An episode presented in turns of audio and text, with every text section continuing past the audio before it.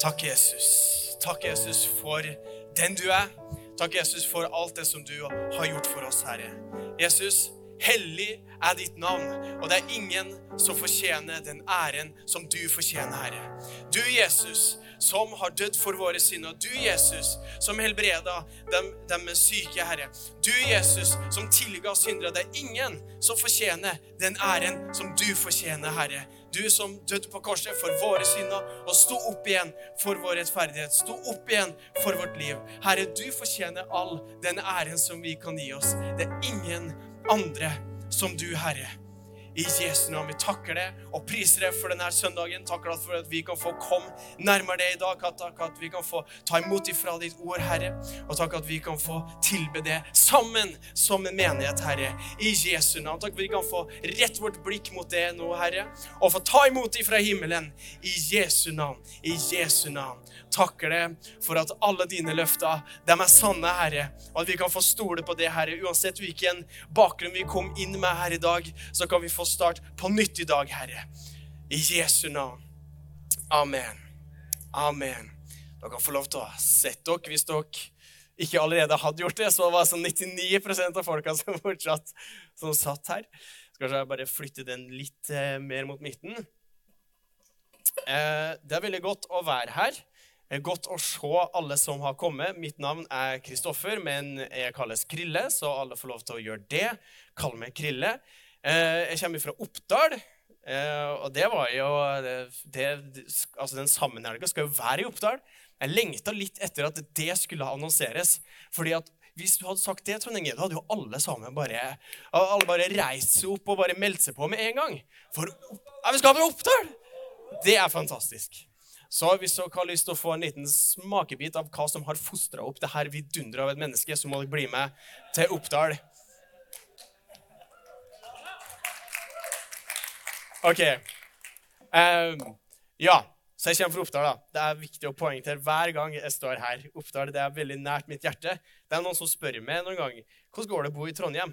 Altså, det er ikke bare ja, det er veldig fint å bo i Trondheim, men Trondheim har ikke fjell på samme måte som Oppdal har fjell og det savner jeg. Men ellers så er Trondheim et uh, ganske uh, høyt steg opp uh, i forhold til mange ting, iallfall. Uh, slå opp i Matteus kapittel 28. Det er der vi skal være i dag. men før jeg går inn i det budskapet som jeg føler at Gud har lagt på hjertet mitt, så ønsker jeg å fortelle en liten historie. Det er en historie fra min morfar. noen av dere kjent nok eh, min morfar. Han eh, er med Jesus i dag. Eh, men han var en sprek 92-åring da han ble promotert. Jogga daglig, og var, det var egentlig ingen tegn til at han skulle forlate oss, men så plutselig så var det hans tid. og det som kjennetegnet morfar er det noen, noen, som forresten kjenner kjent min morfar? Det er, litt, er jeg litt nysgjerrig på. Ola Isol, det er noen som kjente han? Ola Isol. Ola Isol, Far til Mats Ola Isol. Noen som vet hvem Mats Ola Isol er? Ja, ok, ja, Noen som vet hvem min morfar er. Det er i hvert fall som kjennetegner min morfar, da, det var at han var en predikant.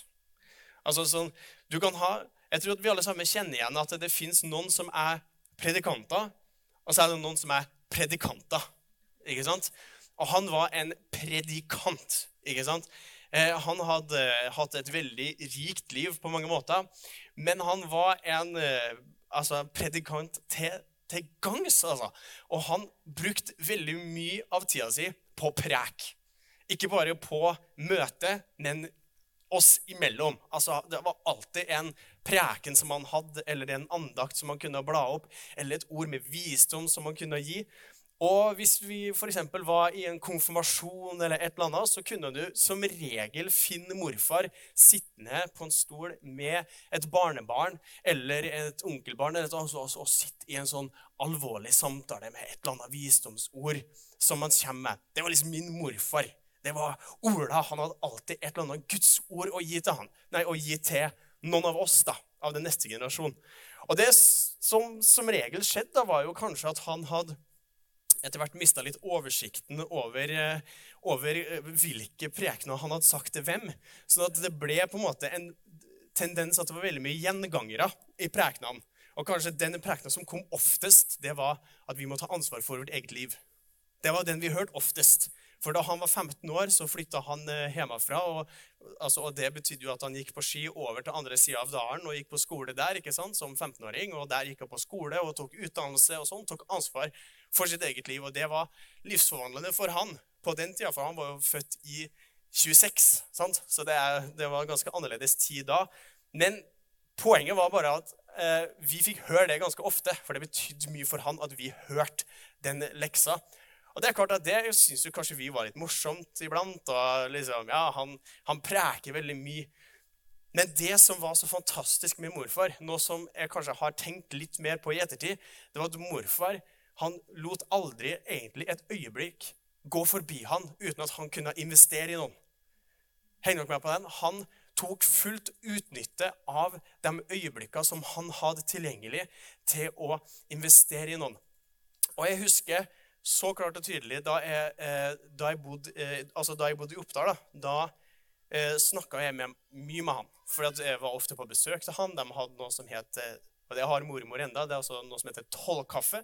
Og vi på besøk til, dem da, og drakk kaffe klokka tolv. Det er veldig hyggelig hver dag. Så, og når man jobber som pastor, så jobber man ikke så mye på dagtid, kanskje, så da var jeg ofte der. da. Eh, og var på tolvkaffe. Det var viktig. Og, og, og, da husker jeg at han ga meg mange prekener. Oi, oi, oi. Det var mye taler. vet du. Mye lekser, mye leksjoner og mye, mye, mye bibelundervisning som jeg fikk fra han. Og, men så husker jeg så klart og tydelig en gang at han sa til meg Og så ble ansiktet hans litt annerledes. Og så sa han, og så pekte han på meg. Og så sa han, 'Krille, du må huske på det, du må huske på det her.' Det er kvaliteten av jenta som betyr noe. Sånn. For vi snakka ofte om liksom, eh, følelser og damer og litt sånt. da. Ga meg liksom råd om, eh, på det området også. Men han sa det så kort og tydelig. Det er kvaliteten av jenta som betyr noe. Og noen måneder etterpå så gikk han hjem til Jesus. Og det var den siste prekena som jeg hørte fra morfar. Og om noen av dere kjenner kona mi, så tok jeg til meg det rådet som han ga. Jeg tok kone fra øverste hylle, for å si det sånn. Og hvorfor forteller jeg det her? Det var en lang digresjon, en lang intro på det at det er noen ting med de siste orda som vi hører fra noen. Det var noe veldig spesielt for meg Altså, var, altså, morfar han sa veldig mye bra, men de siste orda der, de ble som, de ble som altså, impregnert inn i hodet mitt. Og jeg huska det så godt, den talen som han ga meg da. Og det er altså noen ting med de siste orda. Og hvis vi kan bare bruke det bildet over også på Jesus, så er det klart at Jesus prekte ingenting forgjeves. Det var ingenting som Jesus prekte som var viktigere enn det andre. Men likevel så er det litt interessant. Hva var det siste Jesus sa før han dro? For Jesus er smart. Han kjenner oss mennesker. Og hva var liksom det siste Jesus ville si til oss før han forlot den jorda her? For det er noen ting med de siste orda, er det ikke det? Så hva var det Jesus ville si til oss før han dro? Han sa i Matteus 28, og dere har kanskje bladd opp der allerede, Matteus 28, 18, helt til slutt der. Hvis dere har en bibel med rød skrift, så står det det her. Meg er, gitt, meg er gitt all makt i himmel og på jord. Gå derfor ut og gjør alle folkeslag til disipler. Idet dere døper dem til Faderens, Sønnens og Den hellige ånds navn, og lærer dem å holde alt det jeg har befalt dere. Og se, jeg er med dere alle dager inntil tidens ende. Amen. Og Det er det jeg ønsker å tale litt om i dag. Det er det å være et disippelgjørende fellesskap. Og når jeg sier et disippelgjørende fellesskap, da kan man få én eh, av to reaksjoner. Enten så kan man få en liten sånn inni seg, eller så kan man få en liten sånn åh, let's go! Ikke sant? Jeg skal ikke prøve å ta temperaturen på hvordan man reagerer, men mange ganger når jeg hører ordet disippelgjøring, så føler jeg at det er noe som jeg egentlig burde ha gjort. i stedet for at jeg gjør det så mye som jeg kanskje skulle ønska. Jeg skal ikke ta noen håndsoppdeling, men det er kanskje noen som kjenner seg igjen. At disippelgjøring høres så svært ut. Disippelgjøring høres så mektig ut. Det høres så vanskelig ut, kanskje. Det høres sånn Ja, vi er liksom kalt til disippelgjøring. Jesus har, kommer med en befaling i slutten av livet sitt her, og at vi er alle sammen kalt til på et eller annet vis å disippelgjøre. Men noen ganger så kan det høres litt ut som Ja, men hvordan? Når Jesus sier 'elsk din neste', det er sånn åh, men det er jo litt lettere. Eller når Jesus sier 'tilgi', at vi skal tilgi, så tenker vi ah, men det ok, Det er ikke sikkert at alltid er så enkelt å tilgi, men noen ting klarer vi liksom å utføre litt lettere. Men disippelgjøring er litt sånn åh, det høres sånn Come on, Gud, liksom. Come on. Så det jeg ikke ønsker å gjøre i dag, det er å komme med sånn her 250 steg til hvordan man skal være en, et effektivt disipulerende fellesskap.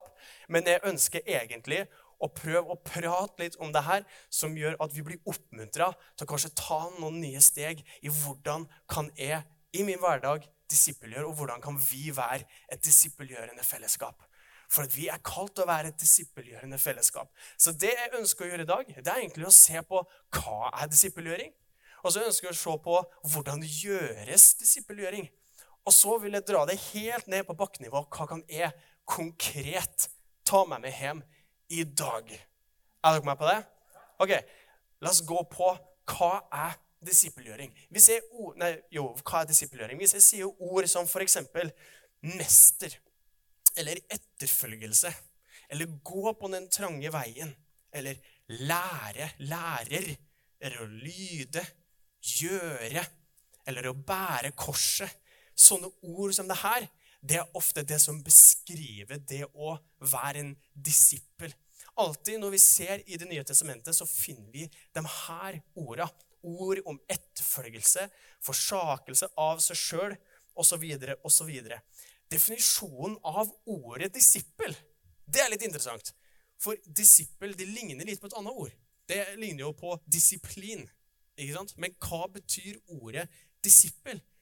Ordet disippel det betyr egentlig ganske enkelt lærling eller elev.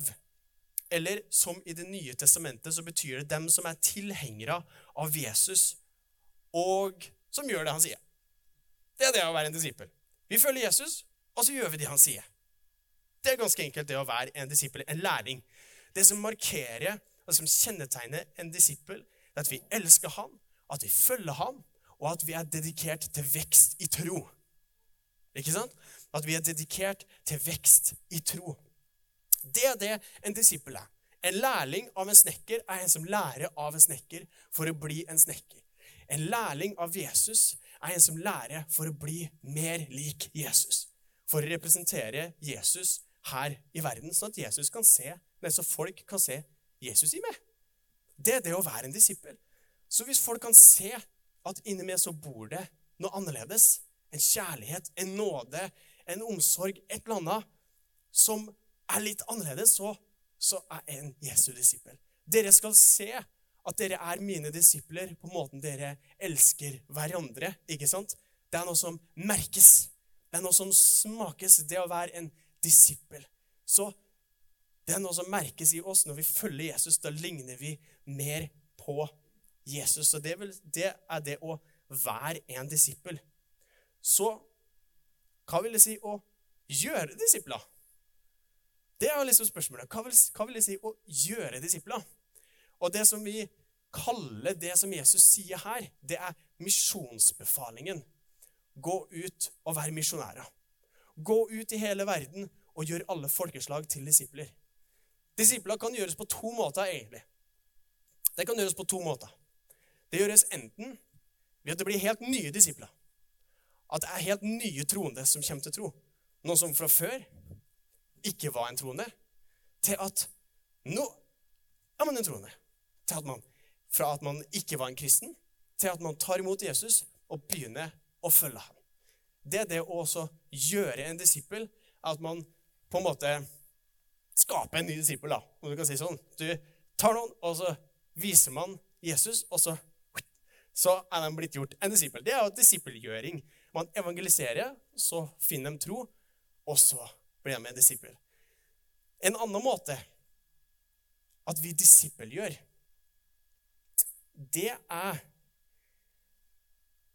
at vi hjelper dem som er troende, til å vokse videre i troen.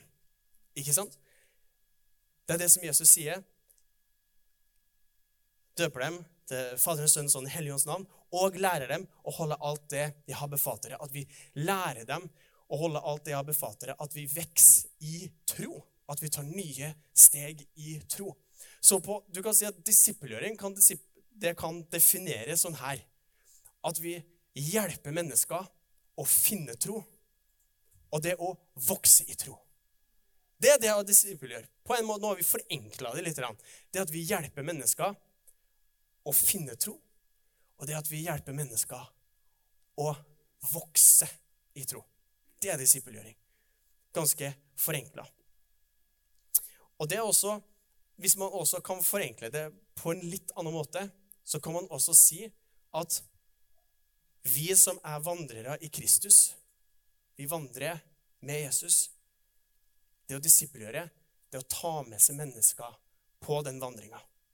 Og når man tar med seg mennesker på den vandringa, så kan man hjelpe dem til å vokse i Herren. Man kan hjelpe dem til å vokse i troen og ta nye steg med Jesus. Det er også disippelgjøring.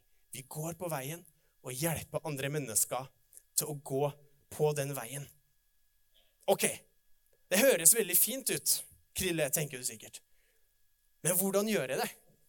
Det høres veldig fint ut. Det høres veldig bra ut. Men hvordan gjøres det her? Det her skjer, tror jeg, gjennom to måter. Det blir mange toere her nå. Men det gjøres, disippelgjøring gjøres gjennom to måter. Det gjøres først gjennom undervisning. Det er det som Jesus sier her. Idet dere lærer dem å holde det jeg har dere. At vi underviser. Og det er sånn som kan skje fra en plattform. Det er sånn som kan skje i menigheten. Det er sånn som skjer på bibelskole. Når vi går på bibelskole, så lærer vi om Guds ord, og da blir vi disippelgjort. Det, det at vi blir disippelgjort, det at vi har en pastor som Erlend, som underviser oss, som bryr seg om vår sjel, som bryr seg om at vi skal få vokse i troen, vokse i Herren. Og det, da blir vi disippelgjort. Ikke sant? Så det fins en lære i det. Det fins en læring i det, en undervisning. Det er disippelgjøring. Ikke sant? Det er vi enig i.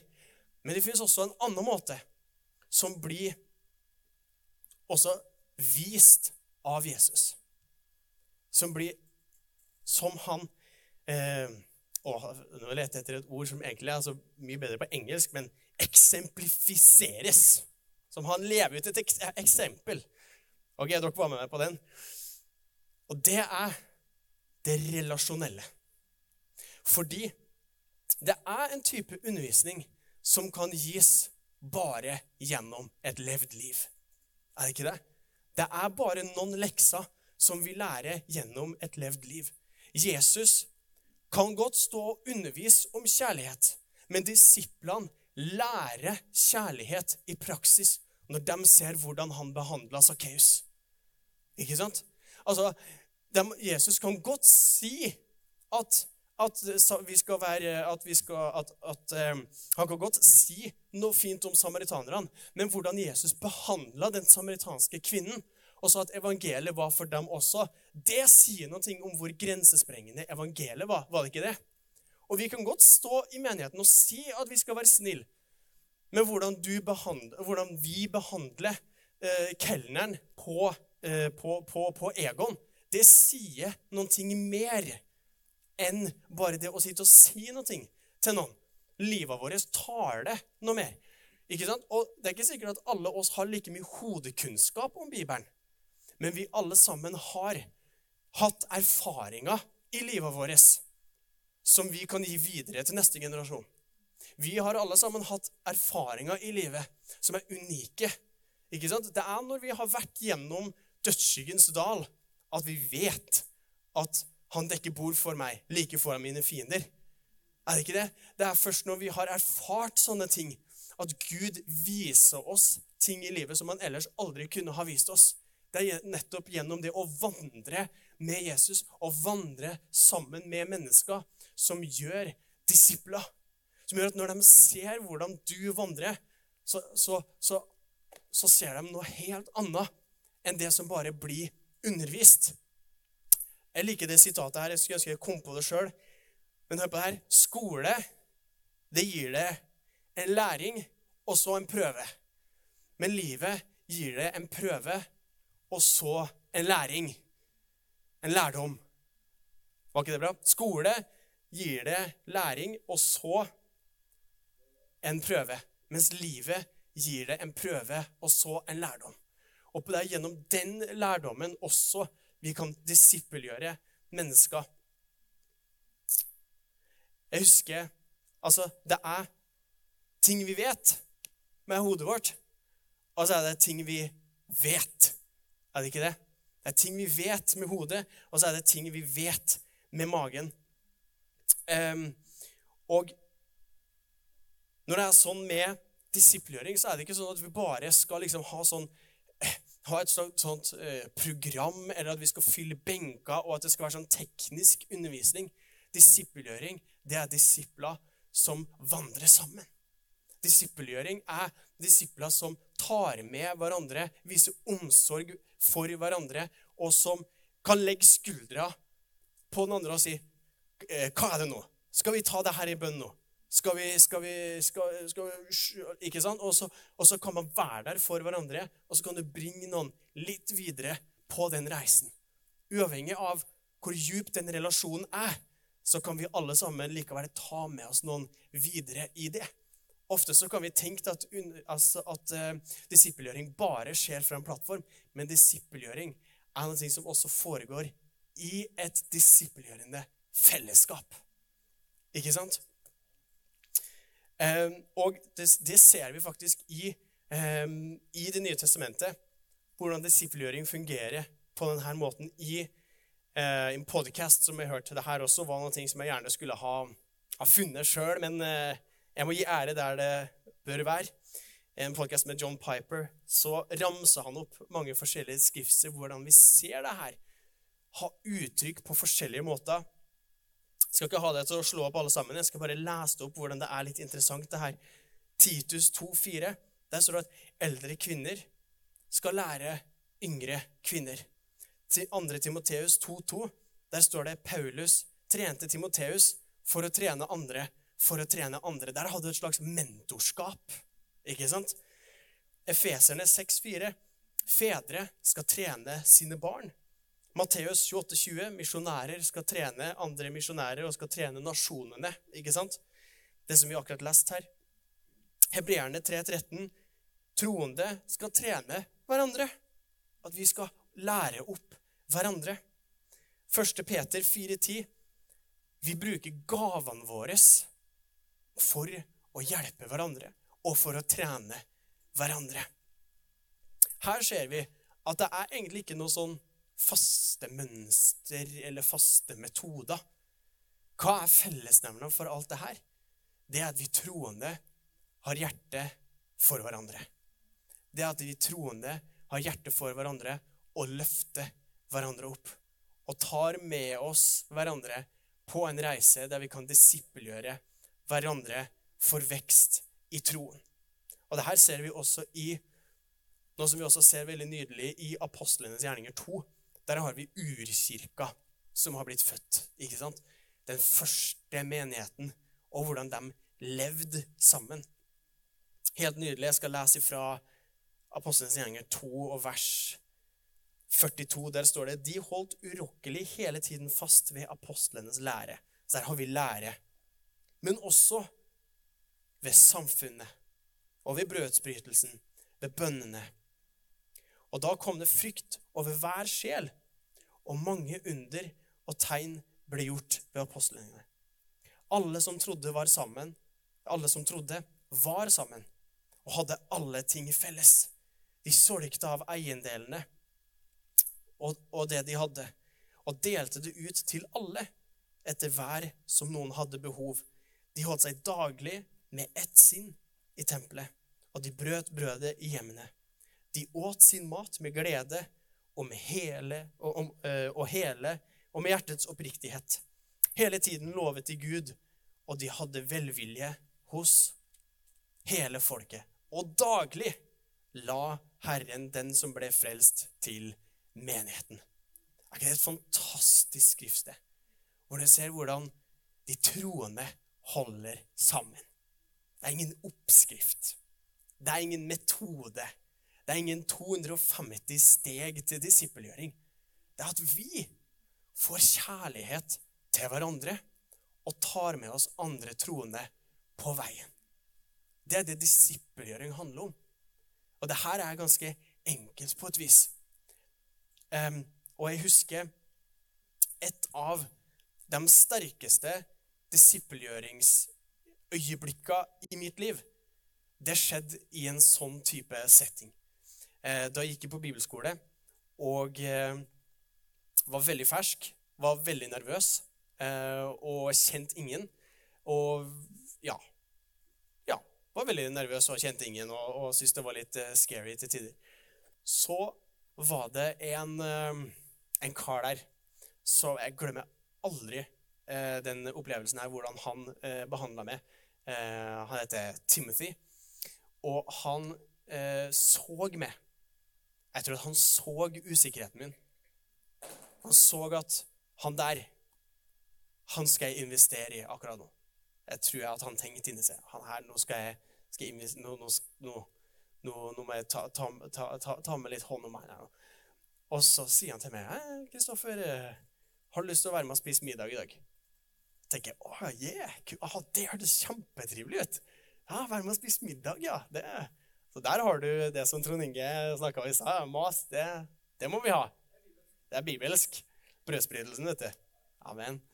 Og så um, laga han pasta eh, bolognese kjempegodt. Han er kjempegod til å lage mat, og vi snakker og, og syns det er kjempetrivelig. Og så, når eh, vi sitter og spiser, da begynner praten. Og masse, masse kommer ut ifra meg, og han bare sitter der og, og hører og hører og tar imot. og så. Men jeg får liksom bare tømt meg om hvordan jeg synes det her, og, synes det her, Så får han lov til å først høre, ta imot, og så får han lov til å bare, bare snakke inn i livet mitt. For tar det inn i livet mitt. Helt enkelt. Og, men ikke bare det, men han viser meg også noen ting som han har med seg. Og det var en liten bok. Nå har jeg ikke en sånn liten bok her, da. Kunne jeg kanskje tatt med meg som rekvisitt, men han hadde en bok sånn som det her. Nesten som det her. Og så viser han meg Så sier han det her, Kristoffer, det har forvandla livet mitt, sier han. Og jeg tenker Oi, hva, hva nå, liksom? Hva betyr det? Jo, det betydde at når han hadde sin personlige tid med Gud, når han leste Bibelen sin, så hadde han en notatbok som han skrev ned tankene sine. Så enkelt som det. Og så sa han denne boka har revolusjonert livet mitt med Gud. Tror du jeg for og kjøpte en sånn bok etterpå? og det revolusjonerte livet mitt òg. En bok ble til to, to bøker ble til 20. Altså, det var sånn det, det, det, det, Bare det enkle som han gjorde, å bare ha øynene litt åpne og ta én middag med meg revolusjonerte mitt liv med Gud. Og som gjorde at eh, Ja, masse, masse, masse som skjedde ut ifra det, og som har gjort at jeg har blitt den som jeg har blitt i dag. Ikke sant? Så det var ut ifra noe fellesskap. Det var ikke ut ifra en metode han brukte, eller ut ifra liksom, sånn der. Det var fordi at det var én troende som valgte å investere i en annen troende og ta med han litt lenger på veien. Det er det å disippelgjøre betyr. Det at vi er et fellesskap der vi hjelper hverandre videre på veien. Det at vi tar med oss hverandre i vekst, i tro. Det er det det betyr. Så da blir det spørsmålet helt til slutt Nå har vi snakka om hva er disippelgjøring. Så snakka om hvordan gjøres det, men nå er hva kan vi konkret gjøre for å kunne kanskje vokse i det området her. For det er et kall som ligger over oss som menighet, og det er et kall som ligger over oss som personer. som kristne, at det å disippelgjøre mennesker, hva kan vi konkret gjøre? Og nå er det fristende å komme med 250 punkt ikke sant, hvordan vi skal og dele ut en liten traktat etterpå. og sånn der. Men nei, jeg skal bare si det her. Jeg har lyst til å stille noen spørsmål. Jeg har lyst til å bare um, ja, stille noen spørsmål først. Det første er hvordan er mitt gudsliv først? Eh, vokser jeg i tro? Tar jeg steg med Gud? Og så kanskje blir spørsmålet etterpå, oppfølgingsspørsmålet, hva er mitt neste steg? Hvor er det liksom jeg kjenner Gud åh, liksom, Kanskje det er bønnelivet? Eller kanskje det er å gi? Eller kanskje det er bibelskole? Eller kanskje det er Jeg vet ikke hva som er ditt neste steg, men det er et spørsmål man kan stille seg. Hva er mitt neste steg? Hva, altså, vekst er i Gud? Er det noe som jeg er på veien sjøl? Vekst er i Gud? Spørsmål nummer to det her er bare det her er ikke noen spesiell rekkefølge, men jeg bare slenger ut noen spørsmål som kanskje kan vekke, vekk noen ting inni oss. Det er hva har jeg å gi? Altså, reflekter over det der. Hva har jeg å gi over til noen? Til neste generasjon? Er det bibelsk kunnskap? Er det visdom over mange år? Er det, er det, er det talenter som musikk, eller er det teknikk, eller hva, hva er det jeg har å gi til noen? over til noen. Hvordan kan jeg bruke mine gaver? Det leste vi i stad. At de troende bruker sine gaver for å betjene hverandre. Hvordan kan jeg bruke mine gaver til å betjene? Hva er det jeg har? Hva er det Gud har gitt meg? Hvordan har Gud utstyrt denne skrotten til å velsigne noen andre? Reflekter over det. Og da kanskje svaret blir litt tydeligere. Hvordan Gud kan også bruke det til å hjelpe noen videre på veien. Og så blir det et, eh, et annet spørsmål jeg har lyst til å spørre. Det er Har Gud lagt en spesifikk person eller en spesifikk gruppe mennesker på hjertet ditt? I mitt tilfelle så har Gud lagt ungdommer på hjertet mitt. Og hva gjør jeg da? Da følger jeg musikken, og jeg har fått den nåden å kunne få være ungdomspastor i menigheten her. Og jeg bruker fredagsmøtene, plattformen, til å disiplere ungdommene ved undervisning, men også så prøver jeg så godt jeg kan å møte dem i hverdagen. Altså å disippelgjøre dem sånne her. Nå, men nå kan ikke jeg gjøre det med absolutt alle, for det er ganske mange som kommer. Sant? Så vi, vi, trenger fortsatt at flere kommer ikke sant? på ungdomsmøtet. sant? Um, det er sånn som jeg tenker. Gud har utstyrt meg med det. At jeg kan, at jeg kan bruke altså Gud har lagt på hjertet mitt ungdommer. Og så kanskje han har også lagt på hjertet mitt spes spesifikke personer også.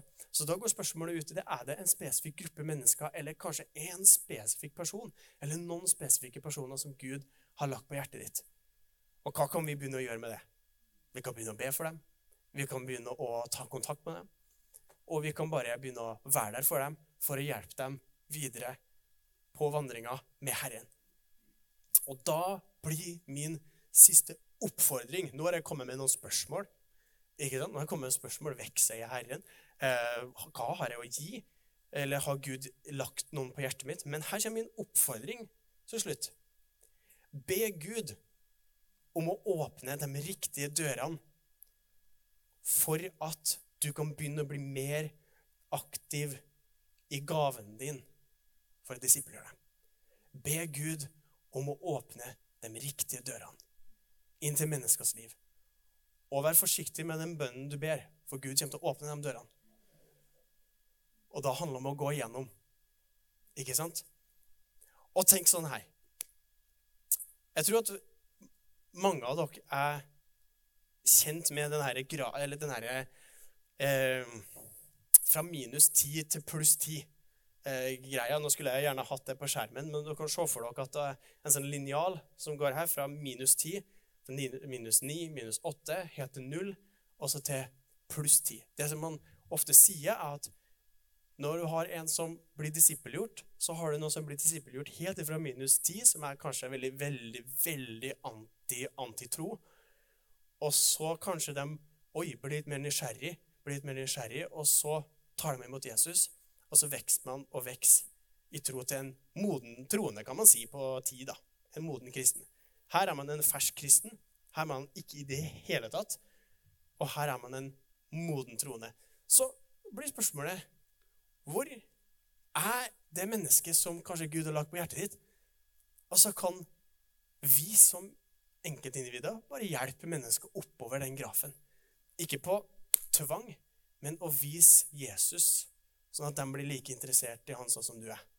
Og der vil jeg eh, si bare helt til slutt en historie fra Speideren. Jeg har gått i Speideren i mange år i Oppdal. Og der var det en av lederne som, som ble med, da, for vi er en litt annen organisasjon. Vi er Norges Speiderforbund der i Oppdal. Så vi har litt andre Ja, det er, ikke en kristen organisasjon, da, sånn at leder, den som er leder, er litt mer åpent. Og der var det en som kom, da, som sa at jeg kan være leder, eh, men bare for å si det sånn Jeg er ikke kristen, sa han. Og sa det til hun som var lederen. da. Og sa det er greit, det er, det er greit, du, du, må ikke være kristen. For de fleste av oss som var ledere, var det. da. Veldig aktive i menigheten. Men han var veldig tydelig. Han ville ikke høre om Jesus. Altså, Han var så tydelig. Jeg er ikke noe, noe kristen, liksom. Ah, ok, ok. Og det var liksom det vi trodde, da. Det var det vi trodde. Altså, han var på minus 11. Han var så langt unna. Men så plutselig, et, eh, det var kanskje tre år inn i da, da, jeg var med som leder, da, så hadde vi arrangert sånne leirer på sommeren. Og på den tredje leiren så plutselig, uten at noen av oss hadde liksom bare sagt på en måte sånn, eller mast om Jesus, og sånne ting, så plutselig begynte, han å spørre liksom sånn, Krille, kan du fortelle meg om Mainman? Mainman Jesus. Det var det han kalte den. da. Mainman. Mainman Jesus. Kan du fortelle om Mainman Jesus? Ok, Og så forteller vi en bibelhistorie om Jesus. Ah, kult, liksom. Og så, og så begynner han på den leiren å snakke om liksom, et eller annet sånt. Ja, Mainman hadde aldri gjort det der. Ja, Mainman sånn der. Og Fortell noe mer om Mainman, da. Og, og han bare ble, altså, helt åpen. Helt åpen. Som en bøtte. Bare Give me more. Og og vi var litt sånn, vi så litt på hverandre og tenkte bare Ja, det her var jo spennende. Han har aldri vært sånn før. Men så er det litt sånn tankekors. Ja, har han aldri vært sånn før? Eller har han bare hatt liksom, skjoldet litt opp? Men jeg er nesten helt sikker på at vi tok han fra minus 11 til minus 1. Altså, han var så nær til å overgi seg og til å gi livet sitt til Jesus. Altså, Han var så nær. Han, var, han, var, han bare satt og hørte og hørte alt. Vi kunne si alt vi ville. Og han ville høre på absolutt alt. Han, han gikk ifra det å si 'jeg vil ikke høre noen ting', til å si 'jeg vil høre alt'. Eller han bare tok imot, tok imot. Etter den leiren så bare så, så la han det helt ifra seg. Og så nå har jeg ikke møtt ham på mange, mange år, og det, ja, det ble ikke noe mer ut av de samtalene. Jeg syns det var forferdelig tragisk. Men det er Gud som gir vekst. Paulus eh, vanna, Apollos, nei, Paulus eh, sådd, Apollos vanna, men det er Gud som gir vekst. Det er Gud som gir den veksten der. Jeg kan aldri tvinge noen over på den nummer to der. Men hva kan jeg gjøre? Jeg kan ta med meg noen på vandringen. Jeg kan ta med meg noen på den reisen. Jeg kan, ta meg, og jeg kan bare så. Jeg kan gi noe over til et menneske som gjør at de kan oppdage Jesus. Enten at det er å disippelgjøre en ny disippel, eller å ta med meg noen. Og morfaren min han var en sånn som alltid tok med seg mennesker på reisen. Morfaren min han disippelgjorde med. Han var veldig, veldig, en veldig tydelig disippelgjører, egentlig. Og han var en sånn som, som, som disippelgjorde med personlig. Ja, jeg gikk på møte og ble disippelgjort av pastoren min, men personlig ble jeg disippelgjort av morfaren min. Han gjorde det helt naturlig. Det lå bare helt naturlig for han. Hva slags gave hadde min morfar? Han var predikant. Han hadde masse, han hadde lest kolossalt mye i Bibelen. Jeg bare hadde bare strømme. Det var den gaven han hadde. Det var den måten han kunne disippelgjøre andre på.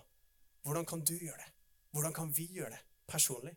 Hvordan kan vi ta med oss andre mennesker på den reisen som vi er på. Og jeg tror heller ikke at eh, vi er for ung for det. Vi er aldri for ung, og vi er aldri for gammel for å begynne å disippelgjøre eller å disippelgjøre mennesker personlig. Det er utfordrende, men det er veldig herlig når man trer inn i det. Og det at vi kan være et disippelgjørende fellesskap, handler om at vi har omsorg for hverandre, og at vi tar med oss hverandre på den reisen. Og hvis du vil ha en konkret eh, En helt konkret utfordring på det, da vil det være, jeg vil si, å investere i neste generasjon. For at noen av dere har levd et liv som, som er så fullt av Guds nåde, som er så fullt av Guds trofasthet, som, eh, som neste generasjon behøver å få en liten smakebit av.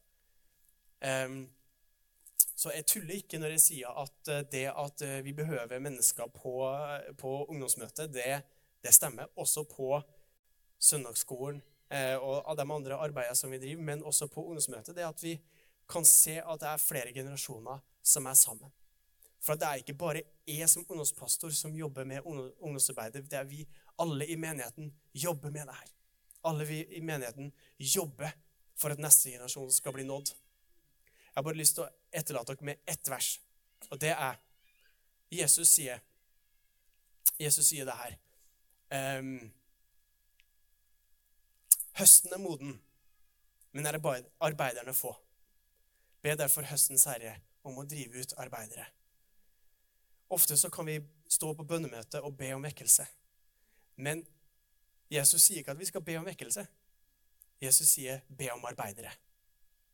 For at det er vi som skal høste inn, og det er vi som skal disippelgjøre. Jesus har gitt oss befalinga 'gå ut og gjør alle folkeslag til disipler'. Og det her kan være utfordrende, og det er det. Men det er veldig, veldig velsigna å gjøre det. Og jeg ser bare på f.eks. Camilla Aslak, hvordan de disippelgjør eh, ungdomslovsangene. Hvordan de tar steg hele tida i å vokse i det området. Og Det er nydelig å se. Det er også et annet eksempel på hvordan det gjøres helt, praksis, helt praktisk.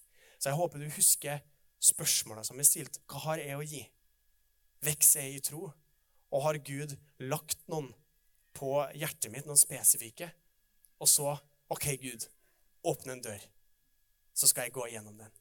Da kan går opp, eh, lovsangerne kan komme opp her. Eh, og så skal vi eh, gå mot en eh, avslutning. Eh, vi skal gå mot en avslutning. Alle sammen bare kan reise opp. Eh, mens vi begynner å spille her nå, så vil jeg bare gi en, en invitasjon helt på slutten her. Eh, vi er en kristen menighet, og vi tror på Jesus. Eh, vi tror på at Jesus er veien, sannheten og livet, og at ingen kommer til Faderen uten ved ham. Vi tror at evig liv fins i Jesus, og at evig liv det er for alle som tror på Jesus. Så jeg vil bare gi en invitasjon eh, til det som kanskje ikke kjenner Jesus, eller som er langt borte fra Jesus, har følt det langt borte fra Jesus. Eh, jeg kjenner ikke bakgrunnen din, og det er egentlig litt irrelevant. Men jeg ønsker bare å gi en invitasjon til det som ønsker å gi eh, en respons på det her. Og respondere på evangeliet eh, og overgi ditt liv til Jesus eh, for tilgivelsen av dine synder og for evig liv og en relasjon med ham. Så eh, hvis det er det i dag, hvis, så kan du bare gi et signal akkurat nå, eh, så jeg kan se det. Skal vi se Er det noen her i dag? Uavhengig om du ønsker å gi det signalet her nå, eller om du har det i hjertet ditt, så tror jeg vi skal be den bønnen eh, sammen her i dag. Eh, hvis vi kan få opp det på skjermen.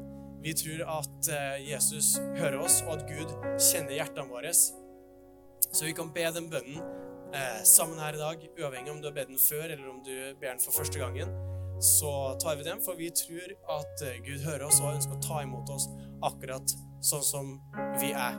Om vi får opp den sliden, så blir det perfekt der ute. Så vi kan bare be sammen i plenum akkurat nå. Takk, Jesus, for dagen i dag. Jeg ønsker at du skal fylle mitt liv med din fred. Du tar imot meg og jeg ønsker relasjon med deg. Amen. Hvis det var første gangen du ba den bønnen i dag, så kan du stole på deg at du er blitt tatt imot av Jesus. Så har vi også noen oppfordringer som kommer som en respons eh, på det her. Det er at du må si det til noen. Eh, finn noen og fortell at eh, du har tatt det steget her i livet ditt. Les i Bibelen. Om ikke du har en bibel, så har vi en til det. Bare ta kontakt med meg etterpå. Og finn en menighet, finn en kirke å være i. Det er fantastiske nye steg som du kan ta. Så vær velsigna, alle sammen, i det vi synger helt til slutt her nå. Hei, og takk for at du har sett på eh, en tale fra Betel Trondheim. Nå kanskje du sitter igjen med spørsmål og et behov for å snakke med noen. Da er du hjertelig velkommen til å ta kontakt med oss. Du er også hjertelig velkommen til å komme og ta del av gudstjenestene vår, eller det som skjer i ungdomsarbeidet eh, i kirka vår. Jeg tenkte at jeg hadde lyst til å avslutte med å lyse Herrens velsignelse. Så vær så god, ta imot. Herren velsigne det og bevare det. Herren la sitt ansikt lyse over det og være det nådig. Herren løfte sitt åsyn på det og gi det fred.